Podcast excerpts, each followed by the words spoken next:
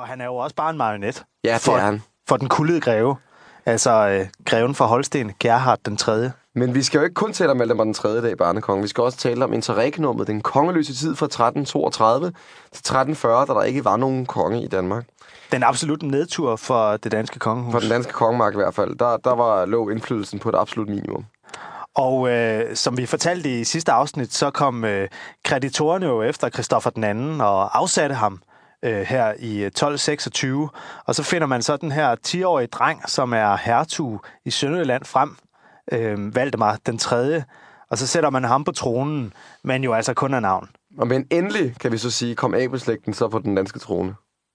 Ja, Fordi at øh, Valdemar den 3. jo faktisk øh, den hedengangende kong Abels øh, tip øh, oldebarn.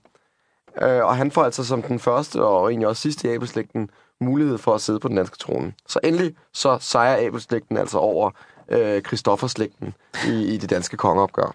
men knægten er jo kun øh, 10 år, og han har en formynder, og det er jo så den kullede greve, Ja. som øh, også i øvrigt er hans øh, onkel. Og øh, han øh, styrer jo så landet, fordi han havde rigtig, rigtig mange penge til gode i Danmark. Ja, så han ville altså ikke acceptere, at Christoffer den anden han blev siddende på den danske trone. Mm.